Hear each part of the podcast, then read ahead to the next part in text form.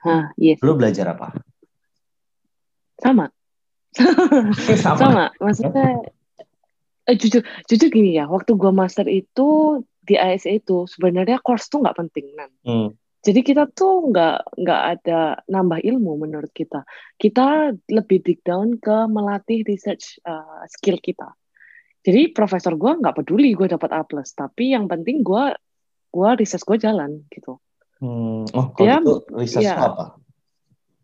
Research gua human computer interaction.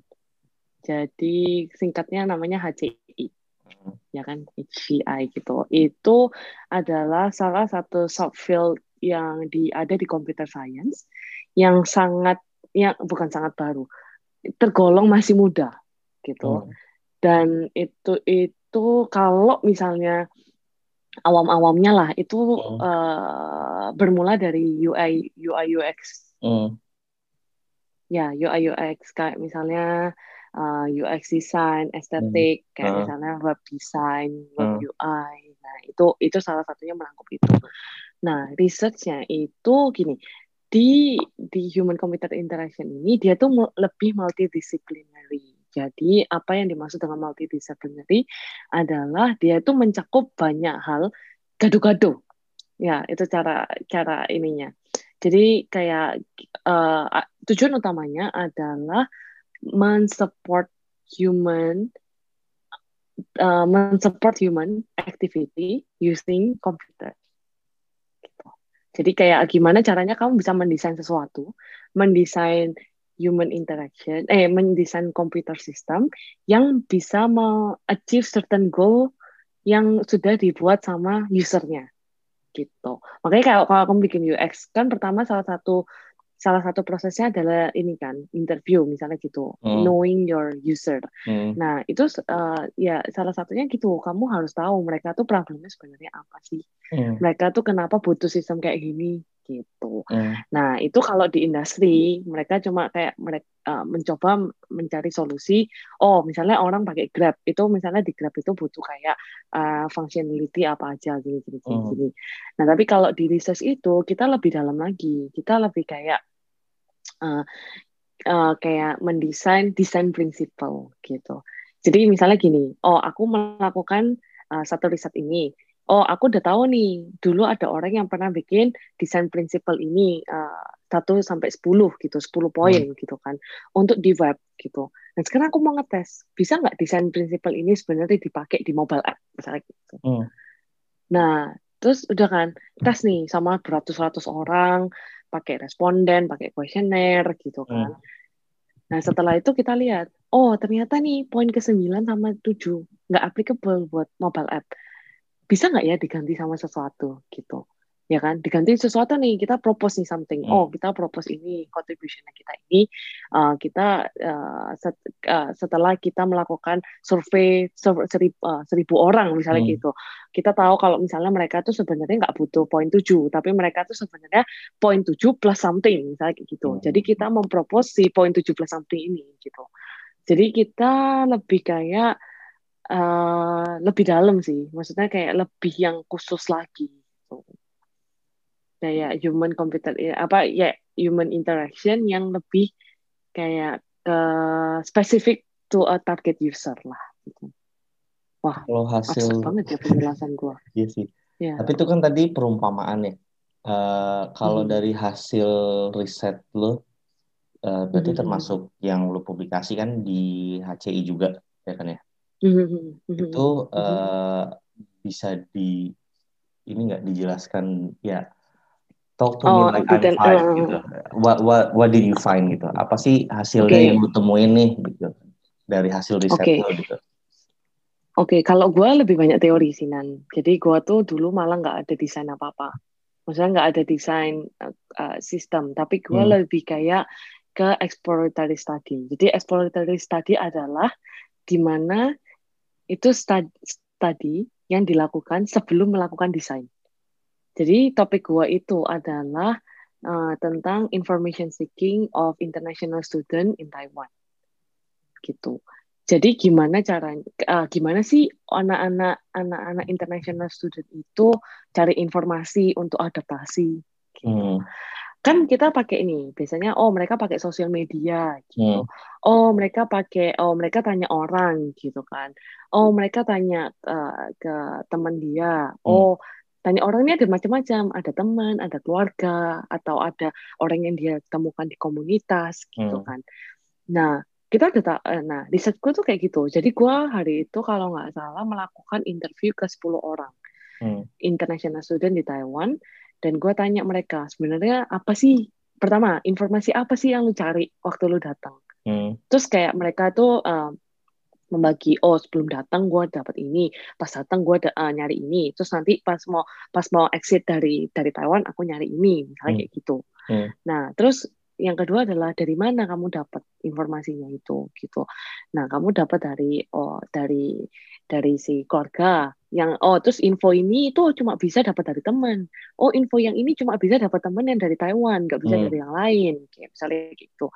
Nah dengan aku tahu informasi apa yang mereka cari dan dari mana mereka tahu itu aku mencoba untuk men mengusulkan teknologi di mana kayak oh sosial media ya udah kita tahu kan sosial media sosial Hmm. media tuh bisa kayak gini gini gini gini misalnya Facebook Facebook kita uh, adalah yang bisa mengkonek orang-orang kayak gini Hmm. Nah, aku propose nih, oh kan mereka nih harus macam-macam ya gitu. Maksudnya kayak, oh uh, mereka tuh kriterianya banyak gitu. Oh, aku tuh harus kayak lihat dulu pertanyaannya apa, lihat itu penting apa enggak, terus aku harus lihat ini sumbernya dari mana.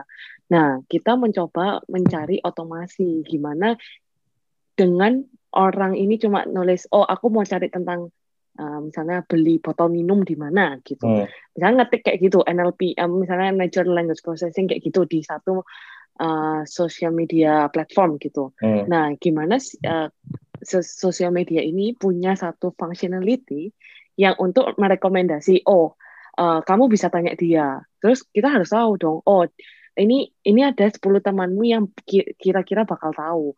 Terus 10 temanmu ini uh, uh, mereka tuh available dari jam uh, menurut kebiasaan mereka di sosial media mereka tuh available dari jam 2 sampai jam 3 terus yang ini jam berapa sampai jam berapa gitu.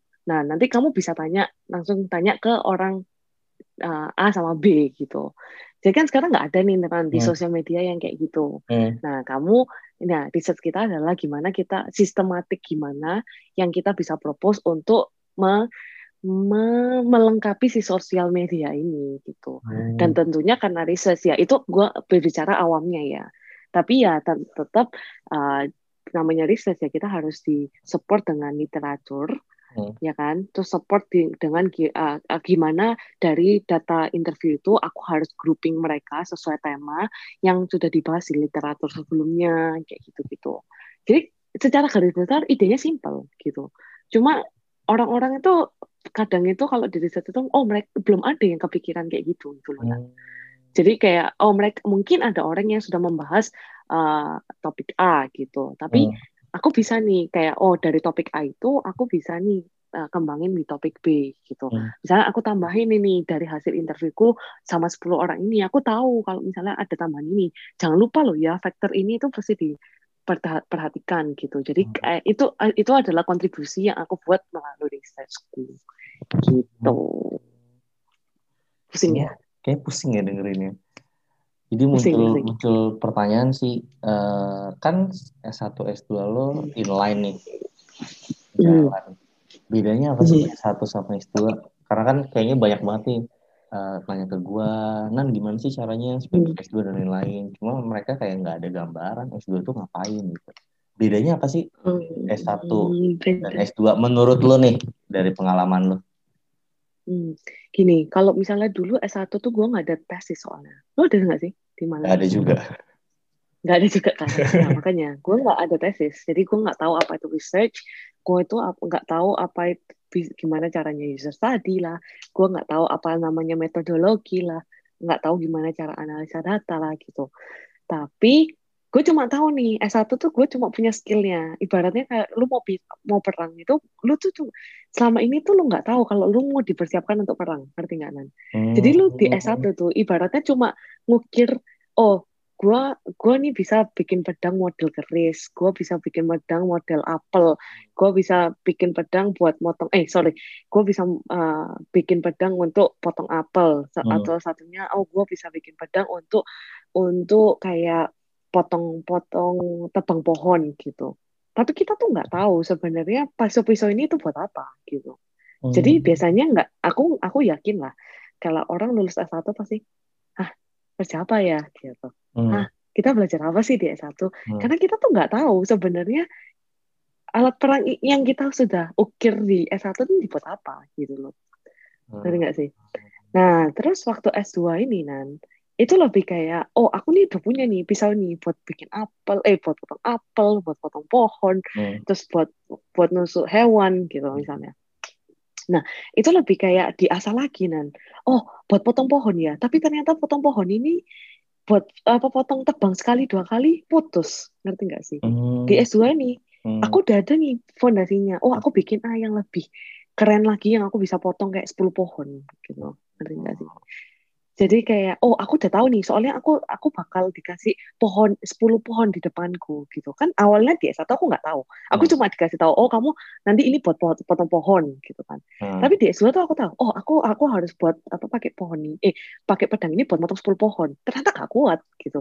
Di mana ya yang aku bisa gimana ya bisa memperbaiki modifikasi pedangku ini supaya bisa motong 10 pohon? Nah itu kita belajar skill itu di S2 jadi kayak kita S1 lu lebih kayak pupuk awalnya, tahu resepnya, nggak tapi nggak tahu jadinya tuh apa nggak tahu gitu. Nah S2 ini lebih kayak memodifikasi, terus kayak dikasih lembaran baru kayak ini loh, kamu bakal dikasih kayak gini, kamu bakal dikasih case kayak gini. Gimana kamu pakai skill yang kamu udah belajar di S1 ini untuk untuk menghadapi permasalahan yang kamu hadapi di S2. Sama kayak kerja lah sebenarnya. S1 S, uh, eh, S2 itu menurutku sama kayak kerja. Cuma mungkin kalau kerja ya cuma buat nusuk-nusuk doang gitu. Hmm. Maksudnya buat nebang-nebang pohon doang gitu. Tapi yang di S2 ini lebih di di ditambahi dengan buat motong pedang gitu kan. Tapi memodifikasi pedang supaya pedang itu bisa tak pakai buat motong 10 pohon. Nah, tapi mungkin kalau kerja itu cuma oh pohon ini, oh tumpul bikin lagi, oh tumpul bikin lagi, hmm. gitu. Mungkin ya waktu awal-awal. Gitu. Hmm. Ini menambah uh, itu. Kalau gua tanya mana yang lebih susah S1 S2 itu bisa ngejawab, bisa ada jawabannya nggak? Lu bisa nggak menjawab? Hah? karena lu sendiri bisa nggak menjawab? Karena kalau untuk lulus ya? Iya beda bidang, gue juga beda bidang, beda bidang. Terus juga di IMBA lulusnya sebenarnya tergolong mudah sih untuk tesisnya. Iya sih, iya. Kalau lu baca tesis hmm. yang kecuali prof gue doang, yang beda, yang lain itu profnya sangat-sangat gampang banget sih tesisnya. Hmm. Gak harus sampai uh, publish gitu. Makanya hmm. karena hmm. itu kan jadi gue kayaknya nggak relate sih. Kalau lu kan relate nya jurusannya inline, uh, S1 S2-nya. Hmm. Jadi bisa gak sih ngejawab itu? Mana yang lebih gampang? Karena kan ada aja yang nanya. Hmm. sebenarnya ada gue tuh banyak banget pertanyaan-pertanyaan tentang S2 sebenarnya yang nanya ke gue gampang gak sih? Enak gak sih? Hmm. gitu ya, gampang nggak ya? Gampang nggak? Hmm, nggak hmm, bisa jawab aku. Jujur. Kalau misalnya dibilang gampang apa enggak sebenarnya sama-sama susah. Maksudnya mereka tuh punya kesusahan sendiri-sendiri gitu loh nan. Namanya orang belajar ya. Hmm. level up lah gitu. Maksudnya nggak mungkin kamu stuck di yang sama gitu. Kayak gini kamu kamu belajar di S1 ya kamu pasti akan merasakan oh itu susah karena kamu nggak punya fondasinya hmm. gitu kan. Nah kamu begitu belajar S2 ya pasti susah. Soalnya fondasi itu nanti kamu di, diajarin yang lebih lagi gitu.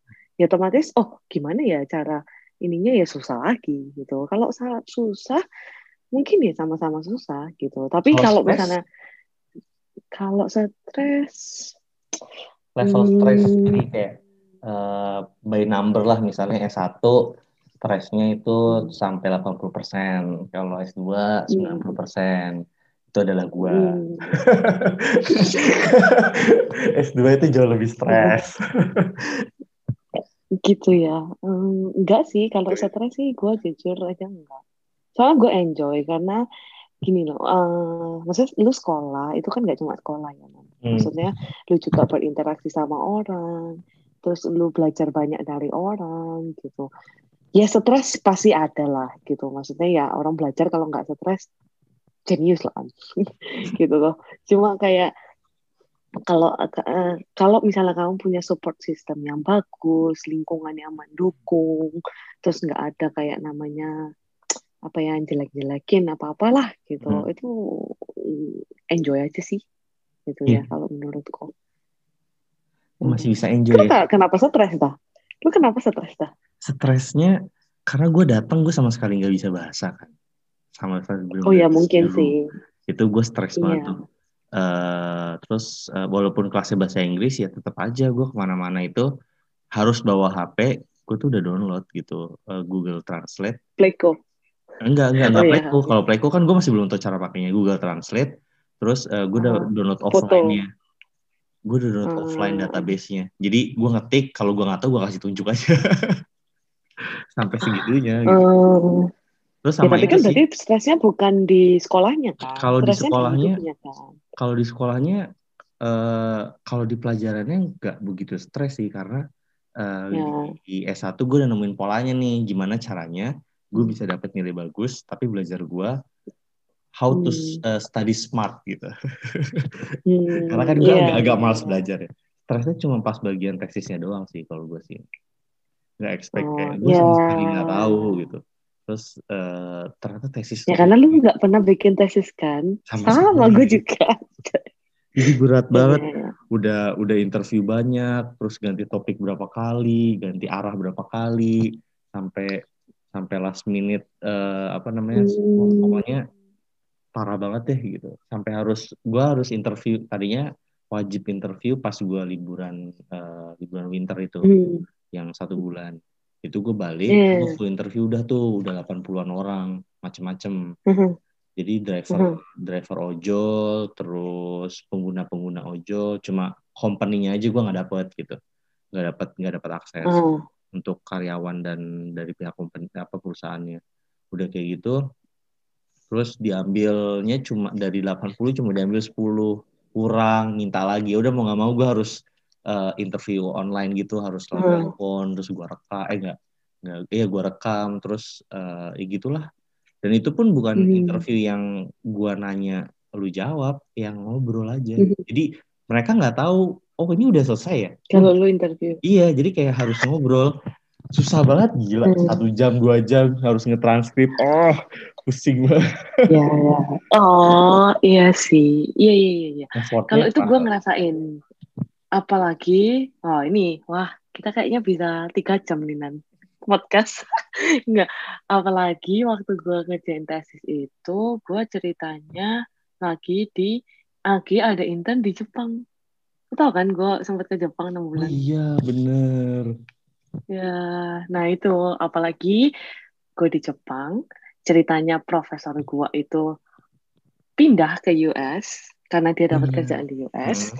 Terus eh, terus uh, co-advisor gue ada di Taiwan. Nah, tuh bayangin karena gue harus ngikutin jam US uh, dan harus ngikutin jam profesor gue yang di Taiwan itu. Jadi profesor gue yang di Taiwan itu kan dia bukan guru NTHU, dia guru di uni lain. Hmm. Nah, tapi dosen dosen sorry. Uh, terus tapi di dia tuh nggak bisa kalau siang. Hmm. Itu cuma bisanya kalau malam. Hmm. Jadi bayangin ya Nan ya, gue siang kerja, ya kan, hmm. gue intern, malamnya dong gue jam 10 meeting, iya kan? Karena jam 9 Taiwan, jam 10 jam 10 Jepang. Wah bayangin Nan, itu rasanya itu ya kayak orang ngomong tuh mental di otak gue gitu. itu sih stresnya enggak stres. Cuma ya ya gue udah expect itu kayak itu de, uh, itu decision yang aku udah buat. Karena emang dari prof uh, dari awal aku minta izin profesorku untuk intern itu profesorku udah bilang kamu yakin? Kamu mau tesis lo gitu.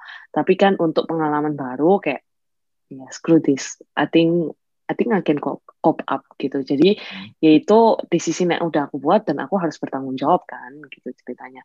Jadi ya ya stres ya tapi di bawah happy aja sih. Ya mungkin karena aku sama profesorku klik jadi kayak kita tuh kalau diskusi itu langsung kayak eh seru terus kayak gimana ya kayak uh, uh, kayak diskusi ini diskusi ini eh seru loh gitu kayak kayak akhirnya jadi kayak nggak meeting kayak ngobrol kayak di kayak Hmm. Diskusi. Jadi kayak apa ya jadi tesis tuh nggak dibawa stres lah intinya. Hmm. jadi ya makanya aku kalau stres sih lupa ya.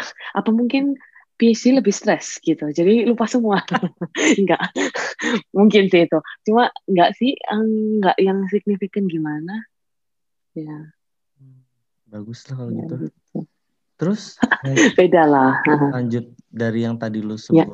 Eh, apa namanya kalau ada kontribusi dari prof lu yang buat lu jadi sekarang S3 Hmm. di tempat yang sekarang tuh gimana ceritanya? Ya, karena itu, karena dia yang orang yang sudah me mengetis out uh, atau yang sudah man- mancing-mancing semua potensi aku untuk research gitu. Jadi dia yang benar-benar, oh Rosi kayaknya bisa nih kayak dilatih untuk jadi true researcher. Oh, jago ya? Enggak sih. Tapi enggak, maksudnya kayak gue orangnya emang agak penasaran kalau kalau untuk topik yang gue suka. Hmm. Ya, ya gue mikir siapa sih orang udah kerja master master susah-susah ngapain pilih topik yang nggak suka ya kan Hmm. nah kebetulan tuh topik yang aku kerjain tuh aku lumayan suka lumayan enjoy dan aku memang extrovert jadi aku suka kan interview orang jadi Hmm. makanya waktu aku kerja tesis tuh aku ya enjoy aja ngobrol sama orang terus kayak Hmm. kepo-kepo hidup orang gitu. Eh, cuma terus kayak belajar dari orang gitu kan. Hmm. Nah, itu tuh terus akhirnya dia tuh kayak eh apa ya ngetrain aku gitu loh. Kayak Ros coba kalau kamu pikir kayak gini masuk akal nggak? Gitu. Kayak eh Ros coba kalau kayak gini masuk bisa nggak? Gitu. Kayak terus terus terus sampai dia tuh membawa aku kayak eh kayaknya topik kamu menarik mau nggak dipublikasi gitu makanya eh eh, puji Tuhan waktu aku master itu sempat publikasi dua kali Wow. ya di conference salah satu eh, salah satu conference terbesar di topik HCI itu. Nah, jadi karena itu kanan eh, Hmm. akhirnya kan waktu keterima kita harus present kan.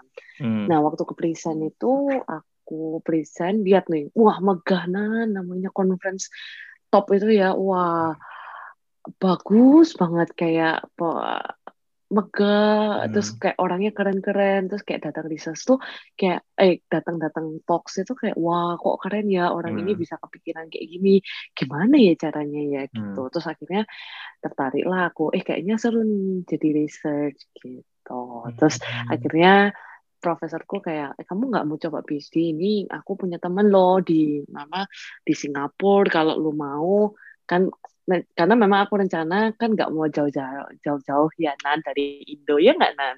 Dari atau jauh-jauh dari yang lain. Ya gitulah. Jadi memutuskan untuk mencari di di ini di maksudnya di dekat-dekat rumah aja gitu. Dekat-dekat Indonesia di, lah di ya. Singapura Oh. dekat-dekat Indonesia. Ya dekat-dekat Indonesia. Jadi akhirnya ke Singapura kebetulan profesorku kenal. Dan kayak dia dia dia uh, di- waktu di salah satu konferensi itu kan gue pergi dua kali ya. Ada satu konferensi itu si profesorku kayak bilang eh kenalin nih murid gue kayaknya menarik nih. Terus kayak gue ngobrol-ngobrol sama uh, profesor ini yang which is profesorku yang sekarang. Hmm. itu kayaknya eh ngobrol sama dia kayaknya klik gitu. Cocok lanjut deh research PhD Terus lu langsung Gitu. daftar aja gitu PhD ke eh, apa namanya? ke SMU Iya SMU. iya daftar Langsung daftar. iya Proses iya daftar daftar PhD itu gimana? Eh, pertama eh, tiap tiap negara beda-beda nan Oke. gitu dan jujur gue dulu waktu PhD juga daftar nggak cuma SMU ya even aku udah dapat profesor lah istilahnya tapi sebenarnya profesor gue juga ngenalin satu profesor lagi di US Hmm. sama kebetulan aku juga kontak profesorku yang dulu as eh, dulu ngajar di Monash di Malaysia Iya. tapi dia sekarang di New Zealand terus jadi Hmm. aku daftar ketiga ini dan tiga-tiga ini beda maksudnya Oke. kayak yang kayak yang misalnya yang satu kan di US yang di US Hmm. itu oh yang di US sama SMU sama lah yang di US itu perlu IELTS ya Inggris lagi-lagi Inggris Hmm. Terus butuh GRE atau GMAT Oh, oke. ya that's like another another pain in the Yeah. ass tapi oke lah. Tapi, ya oke lah. I managed to pass at least. Ya aku tapi SMU ini lebih kayak gini. Kalau SMU lebih kayak cin, ah, cinta itu apa ya? Kayak slow. Kayak dia lebih kayak Hmm. ya udahlah kayak berapapun. Pokoknya kalau aku udah ada research contribution yang bagus, pernah publish, terus dari dulu uh, punya background yang bagus, hmm. mereka bisa terima. Hmm. Gitu. Apalagi kan gue udah kenal sama profesornya kan. Yeah. Jadi puji Tuhan kemarin tuh aku dibantu sama profesornya. Meskipun jari gue jelek banget, jelek, jelek. Gue ini ya, tapi untungnya nggak terlalu diberatin kan sama mereka. Hmm dan karena background pendidikan lumayan oke, okay, lulusan dari uni bagus dan ada sejarah ada background research, terus sudah kenal jadi sama profesor itu dibantuin kayak oh aku mau ini, aku mau siswa ini, aku udah kenal dia, apa apa apa, apa. makanya aku bisa keterima di sini. Nah tapi kalau di US itu lebih strict, kalau misalnya mereka ada certain thresholdnya lah, tapi aku lupa berapa mintanya. Hmm. Cuma kalau di US itu kayak karena JR ini kan dari US kan, jadi hmm. mereka tuh tahu standar-standarnya. Hmm. Itu agak strict dan aku kan nggak mau di US juga kan jauh. Jadi aku cuma iseng daftar, keterima, cuma nggak tahu masukin. Terus kalau yang di New Zealand hmm. itu nggak perlu, nggak perlu JRI, hmm. cuma perlu IELTS ya. Tapi minta IELTS lebih tinggi. Dia minta IELTS 7. Sedangkan oh. yang kayak SMU itu enam setengah. Oh, sorry sorry. Yang di US itu mereka nggak mau IELTS. Mereka nggak mau IELTS. Mereka maunya TOEFL doang. Tapi iya, tapi karena tapi kebetulan karena aku ada kenal profesor juga, terus karena aku lulusan pernah lulus dari sertifikat kayak AUSI kan, hmm. jadi mereka nggak perlu Inggris lagi, makanya aku bisa langsung daftar. Hmm. Nah, tapi kalau misalnya di uh, Aussie itu dia minta tujuh tapi dia nggak minta JRI jadi macam-macam. Tergantung kamu mau di mana. Ya kembali ke saran lagi. Lu mau beasiswa di mana? Ya di ya harap di ini di research yeah. sebaik-baiknya mau kok ya dipersiapkan di copy ya dan ke mana? Ke Microsoft Word ya. eh itu tiga-tiganya keterima tuh New Zealand, US sama Sing SMU. Keterima, keterima, keterima. Tapi yeah. jujur, itu bukan karena gue smart, bukan karena nilai gue excellent, enggak. Tapi memang PhD itu kesempatan keterima beasiswa lebih gampang. Karena? karena? Ya karena, kan karena kan orang kan ngeliat PhD itu gila nih orang. Enggak mau. Pasti pinter. pasti pinter. Kacau. Sampai di Singapura atau S3 di keterima S3 di US di New Zealand tiga empat gila apa gak cerdas orang itu kan. Eh, teman-teman, teman-teman pendengar ya sehingga dalam belajar. Ini Adnan ini salah satu teman gue yang bilang, gila ya Rosofi, lu gila sih, lu gila sih. Oke, okay, gue sering mendapat persepsi itu. Satu, lu gila, wah, atau ekspresi lainnya adalah, wah, lu pinter banget ya sampai PhD gitu.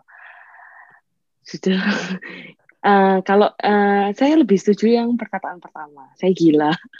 nggak maksudnya kayak ya maksudnya kayak ya nggak memang jujur nggak banyak kan orang yang mau PhD gitu. Memang untuk mendapatkan eh, untuk mau belajar ini butuh dedikasi tinggi dan aku juga tanya-tanya setelah di sini kan kayak tanya-tanya teman-teman PhD yang benar-benar di sini ya memang orang yang passionate yang benar-benar kayak oh iya aku pengen tahu lebih dalam hmm. tentang sesuatu makanya mereka melakukan research gitu ya kita dibilang orang-orang gila kalau itu setuju tapi jujur ya gengs PhD itu nggak semuanya itu anak pintar gitu persepsi kalian salah tapi kalau apa? aku bilang pintar argumentasinya oh, apa? Ah. Karena orang yang ngelihat apalagi lu nih tadi barusan cerita tiga-tiganya keterima itu kan wah gila sih. Keterima satu aja udah sujud syukur gitu. bukan bukan. Kalau PhD itu ya itu kan yang gue bilang. Kalau PhD itu karena jarang karena orang nggak mau. Jadi kayak ya obral gitu. Dan kayak kalau lu udah kenal profesor dan profesor itu tahu background lu hmm. mereka tuh pasti melakukan segala segala cara untuk merekrut lu. Jadi anggaplah PhD itu bukan sebagai jenjang pendidikan tapi anggap aja kamu tuh daftar di corporate gitu loh. Kamu kerja hmm. industri gitu Enggak sih? Ya jadi itu kan nggak semua orang yang di industri pinter kan gitu. Nggak sama di bisnis juga nggak banyak kok yang molor, banyak kok yang kayak oke, okay, even orang pinter ya, nggak semua bisa lulus PhD, tak kasih tahu. Karena pinter pun nggak cukup untuk melakukan PhD. Menurut gua research itu art. Menurut gue setelah gue masuk ke sini kayak hmm. pintar-pintarnya lu mengolah kata-kata pintar-pintarnya lu mencari topik kadang lu punya topik riset lu bagus gini gini gini uh, maksudnya metode lu perfecto al dente terus habis gitu kayak apa topik lu oke okay, tapi kalau misalnya komunitas ya atau orang tempat konversi itu nggak merasa topik lu kayak mengkontribusi ke komunitas ya ya it's nothing gitu. Jadi memang benar-benar art sih PhD. Nah, maksudnya research ya gitu. Kalau pintar jujur jujur enggak nan. Enggak enggak sama sekali. Lu kalau kita kalau banding bandingin GPA kita mau banding bandingin banding bandingin uh, nilai sumpah gue pasti kalah. Dan gue gue tuh salah satu PhD yang kayak kalau diajak ngomong tuh nggak kayak anak PhD orang nggak orang ketemu gue di jalan ngomong sama gue orang nggak kira kok gue PhD gitu. Oh on dah oh on gitu. Tapi, tapi itu kayak yang keren nih kalau misalnya uh, lu kan kelihatan berarti kan lu kelihatannya fun. Gitu ya. terus tapi ah gila cewek yang fun kayak gini literally lagi PhD lu. Buset. Biasanya kan PhD itu yang nerd yang nerd, yang gitu anti, ya. ansos ansos gitu kan. Tapi ini tapi ini suka gaul dan lain-lain. Gila, gila. Okay, okay. I'm not saying I'm not. Uh, okay, okay. I'm not saying I'm smart, tapi I'm saying I'm passionate. Hmm. Dah, gitu. Jadi kayak menurut gua research itu bukan kayak skill, uh, bukan bergantung pada skill, tapi kekekehan lo untuk meng men uncover sesuatu, hmm. Jadi ya ya aku ya jujur mungkin aku lebih kayak sabar untuk kayak melakukan riset yang mungkin gagal untuk misalnya oke okay, karena human computer interaction di langsung sama orang. Jadi kita bikin kan user study gini. Ya aku kerja di user study ya apa desain user study itu misalnya mau desain apa ya interview aja. Itu nggak gampang kayak kamu kamu siapin 10 kata terus langsung kamu sebar kata uh, uh, 10 pertanyaan terus kamu sebar pertanyaanmu ke orang tuh enggak. Jadi aku juga perlu harus trial, harus eh ternyata orang nggak nangkep pertanyaanku yang ini coba aku refresh lagi deh gitu. Eh ternyata kalau aku tanya gini doang kayaknya kata-katanya bukan ke result yang aku mau nih. Gimana ya cara ini yang otak atiknya gitu. Mungkin kalau dibilang pintar enggak, tapi mungkin kalau misalnya lebih sabar, lebih telaten untuk melakukan itu mungkin iya. Itu aku lebih setuju. Gitu. Jadi lebih kayak apa ya? Lebih telaten, lebih kayak berani membawa waktu. Ya gila lah nan, yang lu bilang gak gila. gila, gila. Tapi kayaknya kalau gitu, tadi kan agak-agak apa namanya langsung loncat eh, basicnya dulu deh. Tadi kan bedanya okay. S1, S2. Sekarang bedanya okay, sama okay. S3 itu apa? S3 tuh ngapain hmm. gitu. Ngapain sih sebenarnya S3 itu? Kok bisa lama? Yang bisa sampai minimal 4 tahun, 5 tahun gitu-gitu. Hmm, itu karena uh, tujuan utama PhD adalah research, ya kan? Research adalah sesuatu yang kamu bisa kontribusi ke masyarakat, ya kan? Kamu kan tak kasih tahu ya AI AI misalnya AI AI yang jago-jago algoritma yang recommendation system yang kayak misalnya uh, Tokopedia nih ya hmm. Tokopedia mau kasih kamu recommendation oh barang-barang yang kamu suka misalnya kayak gitu hmm. itu partly of research itu dulu berawal dari research hmm. kalau punya sampai punya algoritma kayak gitu-gitu dan hidup manusia itu semua itu ya bermula dari research gitu loh kayak apa ya kamu nggak ngerasa? Maksudnya orang yang awam-orang awam nggak akan tahu panas uh, maksudnya orang eh, nggak uh, akan sadar kalau mereka tuh selama ini menggunakan hasil produk dari research gitu. Nah kalau uh, pertanyaannya apa ya tadi ya? Tiba-tiba gue blank. S3 tuh oh iya iya iya, iya, iya gitu. Uh, uh, terus uh, bedanya adalah jadi something yang kita mau bawa ke komunitas itu kan harus dilakukan harus dilakukan secara detail dan menyeluruh supaya benar-benar hasil karyamu ini itu itu bisa uh, bring benefit to other people in the world. I'm not saying uh, ya ya riset nggak buat semua orang lah, tapi mungkin untuk ya certain target target market gitulah. Jadi kenapa yang kenapa itu bikin lama? Karena kita sebagai researcher kita punya tanggung jawab untuk menghasilkan produk yang benar-benar bisa menguntungkan masyarakat yang bisa uh, apa ya bisa dari dari apa ya dari uh, budget yang kita ada dari funding yang kita ada kita tuh menghasilkan sesuatu yang berguna. Gitu loh. Nah mengapa lama? Karena sesuatu yang bagus itu nggak didapatkan secara sebentar kawan. hmm ya nggak sih? Hmm. Sekarang kamu mau ngasah berlian, itu kan lama. Maksudnya kamu mau nambang berlian kan lama. Ya hmm. sama. Hmm. Kita juga, kita mau menghasilkan sesuatu yang benar-benar impactful, yang benar-benar bring benefit to people, itu benar-benar something yang kayak harus lewat proses yang sangat-sangat panjang. Makanya kadang BS itu kenapa lama ya karena itu. Karena kita benar-benar berhati-hati, karena kita berhati-hati uh, uh, memikirkan cara-cara yang inovatif karena enggak karena di dunia ini banyak banget orang pintar ya kan hmm. apa yang kamu pikirkan hari ini ya mungkin di orang di belahan dunia lain udah memikirkan hal yang lebih sophisticated daripada yang kamu punya gitu hmm.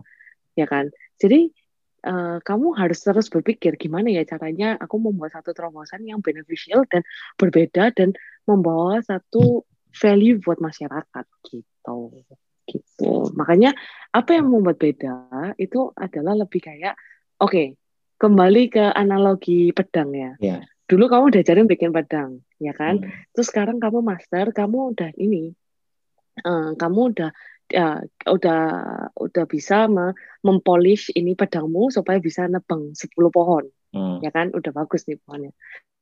Nah, di S3 ini apa? Ya masalahnya lebih banyak aja gitu sedang apa lebih kayak oh dari 10 pohon lanjut lagi ke 1000 pohon, lanjut lagi ke 10.000 pohon, lanjut lagi ke 100.000 pohon gitu. Ya udah, kamu harus gimana caranya memperbaiki itu.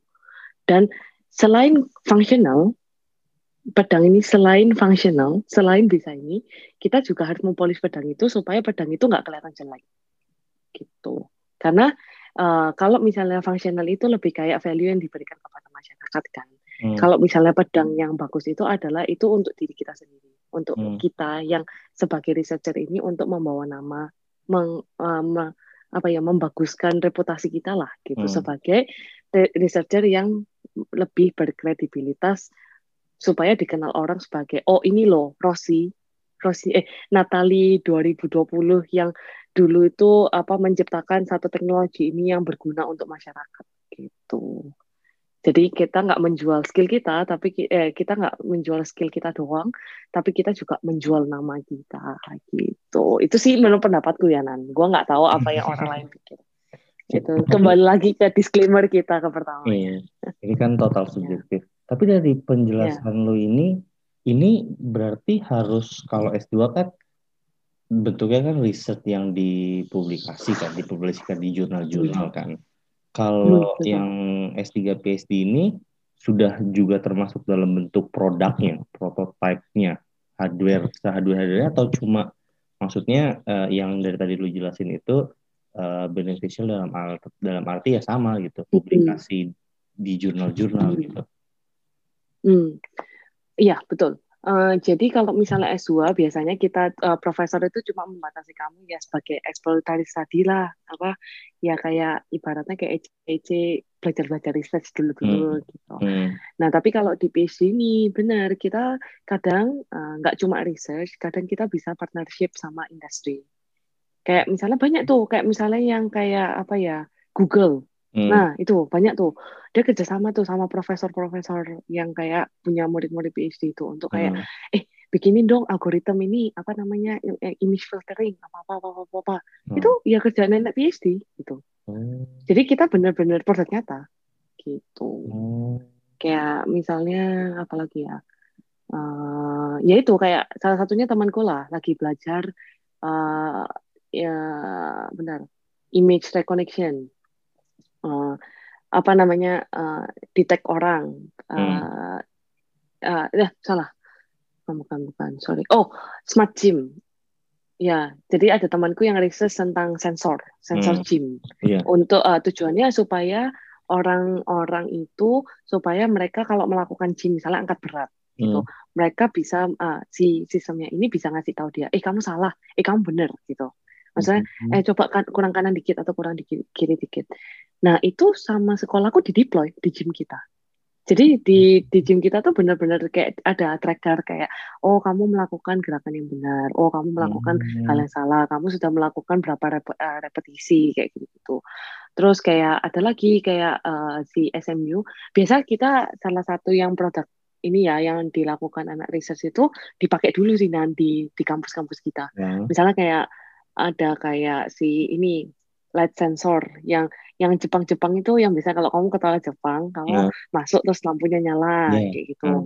Nah itu uh, nah itu di SMU itu juga ada yang riset itu, tapi kan nggak cuma lampu doang. Misalnya hmm. mereka pakai, uh, mereka nambahin, oh aku mau inovasi pakai motion sensor. Hmm. Jadi misalnya, oh pintunya dibuka, jadi pasang sensor di pintunya. Nah itu nanti dibuka, oh lampunya nyala, terus kayak terus parfumnya nyemprot, hmm. misalnya gitu.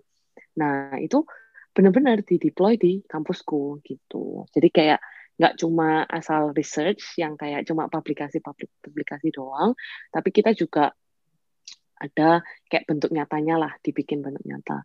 Terus oh ya sama satu lagi yang uh, mungkin yang paling gampang itu data analisis. Sekarang kan banyak tuh data analisis. Kita punya big data. Uh, insight-nya apa sih gitu. Nah, itu ada di teman risetku yang kerja optimization yang bikin modeling student grid. Jadi kayak student, misalnya mereka dikasih sistem bikin satu sistem pakai hmm. algoritmanya temanku itu yang bisa merediksi kalau misalnya kamu dari historinya dulu kamu ngambil pelajaran ABCDE, ya kan, nilaimu sekian, terus kamu semester ini ngambil IFG, JH, misalnya kayak gitu. Nah, hmm. nanti sistemnya bisa kayak rekomendasi dari pattern-pattern dari semua orang, dari satu jurusan, dari hmm. satu kampus. Mereka kan ada analisa datanya segala macam. Mereka deploy nih, oh kamu kayaknya semester depan ambil pelajaran ini biar kamu nilainya misalnya A plus kayak gitu. Jadi benar-benar nyata kan bentuknya. Hmm. Ya kan, nggak cuma research doang gitu. Nggak cuma kayak oh publish journal, oh ya kita tahu kerjaan ini, tapi kita juga mencoba menjadikan itu sebagai kenyataan. Itu kalau yang kayak produk-produk itu hmm. eh, apa namanya harus dibuatkan jurnal harus dipublikasikan jurnal juga atau hmm. itu ngambil dari apa eh, jurnal mana-mana dijadiin satu teori-teorinya terus akhirnya dibuat produknya. Hmm, kita biasanya ya itu masalahnya riset kan kamu juga mesti literature review, literature review. Hmm. Jadi kan kamu juga harus ya itu yang proses yang kedua yang kamu sebut itu yaitu adalah proses yang kita bilang literature review. Nah kita biasanya lebih berinovatif sih. Kalau bisa ya lebih mencoba something yang baru yang nggak sebelumnya nggak pernah dilakuin gitu. Jadi ya produk baru kan produk Tapi baru, biasanya publikasi baru produk kah? baru. Betul, publikasi oh. baru. Karena kita kita oke okay lah, misalnya kita produk kita deploy di SMU. Tapi kan hmm. orang yang orang yang tahu awesome produkmu ini cuma SMU community, hmm. ya kan. Nah, gimana kamu reach out orang luar? Ya dipublikasilah sih jurnal ini gitu atau conference paper ini gitu. Kalau sama kalau industri kok corporate lagi. Kalau sama industri gitu hmm nanti hak miliknya gimana? Dari segi produk dan hmm. publikasi jurnalnya. Hmm, kalau publikasi jurnal tetap uh, tetap first author itu yang mengelit. Jadi hmm. misalnya aku nih, hmm. uh, aku nih ada kerjasama sama Google, misalnya Google, hmm. eh kayaknya profesormu kerja di topik ini, bisa nggak kamu bikinin produk yang kayak ini, gini, gini gitu. Karena aku yang ngelit, hmm. tetap first author harus sama aku hmm. sisanya orang-orang yang involved tapi ya in in any order lah maksudnya ya tergantung kontribusi mereka hmm. kalau misalnya intellectual property ya I'm not sure kayaknya sih kayaknya sih follows the first author oh. kayaknya follow ah kayak lo tahu ini dan kayak eh enggak deh enggak enggak enggak, enggak. iya biasanya follows first author sih jadi misalnya oh in collaboration with Google misalnya kayak gitu. Oh. Atau mereka bisa kayak beli. Kalau misalnya mereka mau full uh, full ownership ya misalnya Google beli, terus nanti Google Google beli patentnya tapi dia tetap harus mengkredit si first author ini. Gitu. Tetap penciptanya tuh tetap si first author. Berarti Itulah. Uh, yang S3 mahasiswa S3 ini yang PhD ini dia bisa punya chance selain untuk publikasi yang banyak juga uh, hmm. punya paten gitu ya. Uh, biasanya paten masuk ke sekolah nan. Kita nggak bakal dapat. Oh, nggak bakal dapat. Ya, ya biasanya masuk ke sekolah. Atau, nah gini, namanya research biasa kita ada funding. Hmm. Nih dari funding. Biasanya yang ngasih funding tuh bukan cuma sekolah. Biasa sekolah tuh malah nggak pernah ngasih funding. Jadi profesor-profesor itu harus cari funding. Funding lewat apa? Industri. Hmm. Terus lewat pemerintah kayak MOI, hmm. uh, Ministry of Education atau Ministry of apa ya uh, Land Transport lah kayak gitu-gitu. Hmm. Nah, nah biasanya di di spesifikasi pekerjaannya di situ, di funding itu. Jadi hmm. misalnya kita bilang, oh uh, aku mau full ownership gitu, misalnya kayak gitu. Ya, ya mau nggak mau ikut ikut mereka gitu, maunya apa? Ya, hmm. Ya, ya ibaratnya mereka tuh kayak yang ngasih duit lah Hmm. Ya sembarang mereka. Tapi biasanya sih mereka harus kredit si uh, first author ini. Hmm. Leader, leader, leader researchnya. Hmm. Oke. Okay. Hmm. Pertanyaan selanjutnya. yang paling hmm. membuat lo bahagia lagi ngambil ini apa dan yang buat lo greget atau gimana ya? Ya itulah bahasa yang paling sopan itu yang buat greget di PSD ini apa? Kenapa sih orang harus ngambil PSD itu yang buat kenapa? happy kenapa sih orang uh, apa lu menyarankan untuk ambil PSD udah buat okay, okay. happy terus yang satunya yang greget tuh ya nggak bisa sembarangan orang lo ngambil PSD karena PSD ini hmm. bisa buat apa ya gremet gremet greget gitu. Oh oke okay, oke. Okay greget ini negatif apa positif ya btw nih lebih ke kesel kan? Iya yang yang bikin kesel bikin marah gitu lah bikin emosi oke gitu, oke. Oke kalau yang pertama pertanyaan lu apa yang menyenangkan dari PhD hmm. Kok jauh jujur adalah kesempatan untuk jalan-jalan. Gue nggak naif. Tapi itu salah satu tujuan utama anak-anak PhD masuk PhD jadi iya. gini okay, apa yang gitu aku maksud jalan-jalan? Soalnya gini uh, kan lu publish paper ya hmm, kan nah hmm. biasanya kan lu harus publish paper sebagai first author. Itu ada yeah. KPI jadi setiap anak PhD itu biasanya harus publish three to four paper in throughout his or her entire study hmm. period. Hmm. Ya, misalnya kayak lima tahun, ya udah. Hmm. Terus kalau misalnya kamu submit publicationnya di conference, mm. ya, you have to present. Okay. You have to present your paper in that conference. Mm. Gitu. And that's that's uh, that means you have to travel to that country to present your paper. Who's gonna And pay? It's all apa? Iya, itu siapa yang bayar? Nah, the one who pay is the university. Yay! It's free. Jalan -jalan. Biasanya it's free. Beneran. Oh. Beneran. Gue gak bohong. Maksudnya kalau you really like longing for traveling, uh, PhD is one of the one is one of the way to cheap to you know like cheap or almost free. Definitely you have to pay. Kayak misalnya kamu mau jalan-jalan sendiri ke tempat-tempat yang nggak di cover sama hmm. conference. Soalnya biasa conference tuh kayak sediain kayak city tour apa apa hmm. gitu kalau misalnya lu mau extend ya terpaksa lah lu harus keluarin duit sendiri tapi kalau misalnya airplane terus your accommodation during the stay sama conference fee is all be uh, is all being paid by the university atau dari funding yang kamu dapat untuk riset ini. Hmm. Jadi kayak kan kan yang aku bilang kan yang misalnya profesormu ada kerjasama sama industri gitu. Uh. Ya kan mereka ngasih kamu misalnya sejuta, satu uh. juta Singapura dolar uh. gitu. Ya itu nanti nanti profesormu yang bilang oh dia pakai duit ini untuk kayak conference ini. Ya of course ada certain budget lah. Kamu nggak bisa kayak oh aku mau business class gitu hmm. ya enggak lah. Maksudnya ya ya maksudnya wajar-wajar itu masih bisa itu sih. Itu sih one of the reason why I choose PhD penting bo. Penting bo. Lu lu ya maksudnya PhD itu kan ya oke okay, nanti lah pin ya. Terus habis gitu apa ya you get to know all those am apa amazing people behind all your daily life. Makanya aku bilang kan kayak sebenarnya hal-hal yang apalagi computing ya misalnya sebenarnya hal-hal yang kamu lakukan di computing itu adalah hasil kayak research gitu. Hmm. Aku misalnya kayak data analisis, aku di di mana data analisis, aku pakai library namanya Pandas gitu kan. Itu dulu hasil research gitu kan.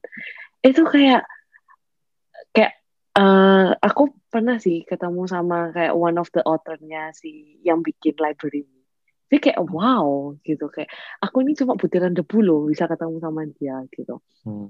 Atau waktu lalu juga pernah kayak sama kayak ketemu sama ini kayak uh, one of the uh, researchernya si Google yang ini yang bikin apa recommendation sistemnya si YouTube. Hmm. itu maksudnya kayak wow keren ya gitu. Kayak it really it's really like uh, opening your eyes kayak wah kamu mungkin di uni itu atau mungkin di keluarga kamu kamu adalah orang paling pintar tapi kamu gila bu kamu ke sana tuh cuma butiran debu cuma keset-keset kelunan. Kayak wah ternyata ternyata ada ya uh, ternyata orang-orang yang yang who actually invent those amazing uh, amazing stuffs actually they are real gitu loh ngerti gak sih hmm. jadi kayak kamu dengan itu kamu start to appreciate things more terus kamu start to get motivated kayak hmm. gila ya kapan ya kayak aku kayak kapan ya aku bisa kayak jadi dia yang kayak hmm. aku aku mau suatu saat aku jadi dia yang di adore sama those people hmm. yang kayak gue yeah. ngerti gak sih yang yeah. keset-keset kayak gue gitu hmm. ngerti gak jadi kayak wow keren ya terus kayak misalnya kayak ke kayak ke conference gitu uh, okay people say that in conference you actually listen to uh, paper or like uh, listening to paper uh, presentation but you are actually not. You're actually networking in in the conference. So you're kayak yang ngobrol aja sama orang-orang yang kayak oh I I work in Adobe. Oh I work in Google. Oh I, I'm one of the professor in Stanford. Kayak gitu. Hmm. kayak kayak those amazing people yang kayak kamu bilang wow orang ini nyata ya ternyata. Maksudnya kayak nggak cuma di buku-buku nggak cuma di nggak cuma di paper gitu loh nanti hmm. nanti nggak sih? Ya jadi kayak oh bener-bener ini. Apalagi kalau di HCI ya kita kan ada kayak 10 prinsipal design guideline gitu ya. Hmm. aku pernah nan ketemu orangnya kayak oh super humble kayak kayak terus orangnya kocak gitu. Terus aku kayak wah orang kayak gini ya bikin desain prinsipal yang kayak dipakai satu juta umat di hmm. di dunia ini gitu loh. Kayak wah kapan ya aku bisa kayak gitu? Jadi kayak bener-bener kayak you learn from this all these amazing people gitu. Hmm. terus yang bikin kamu uh, terus yang aku lebih senang di uh, jadi PhD itu kamu lebih jadi nggak pantang menyerah nan. Ya pasti uh, ada ada momen kamu pasti stres lah kayak hmm. aduh ini aku kok gini-gini terus ya gitu. Kayak kamu tuh lebih tahan banting. Tak kasih tahu ya. Hmm semenjak aku masuk PhD banyak masalah yang aku ngerasa itu jauh lebih gampang daripada research.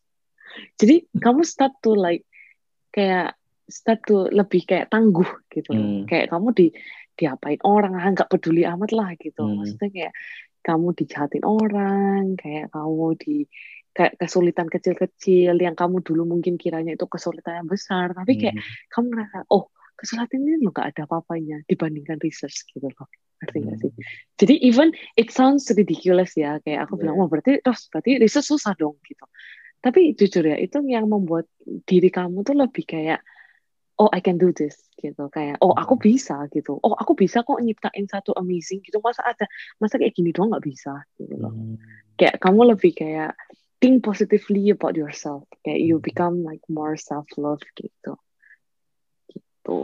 Terus itu sih yang kayak lebih signifikan yang lebih kayak aku pelajarin. Kalau bikin gregetnya ya ya pasti nah namanya research kan. Nggak ada nggak langsung berhasil. Nggak ada orang yang kayak oh aku melakukan user study ini langsung dapat hasil yang aku mau. Tuh nggak mungkin ada gitu.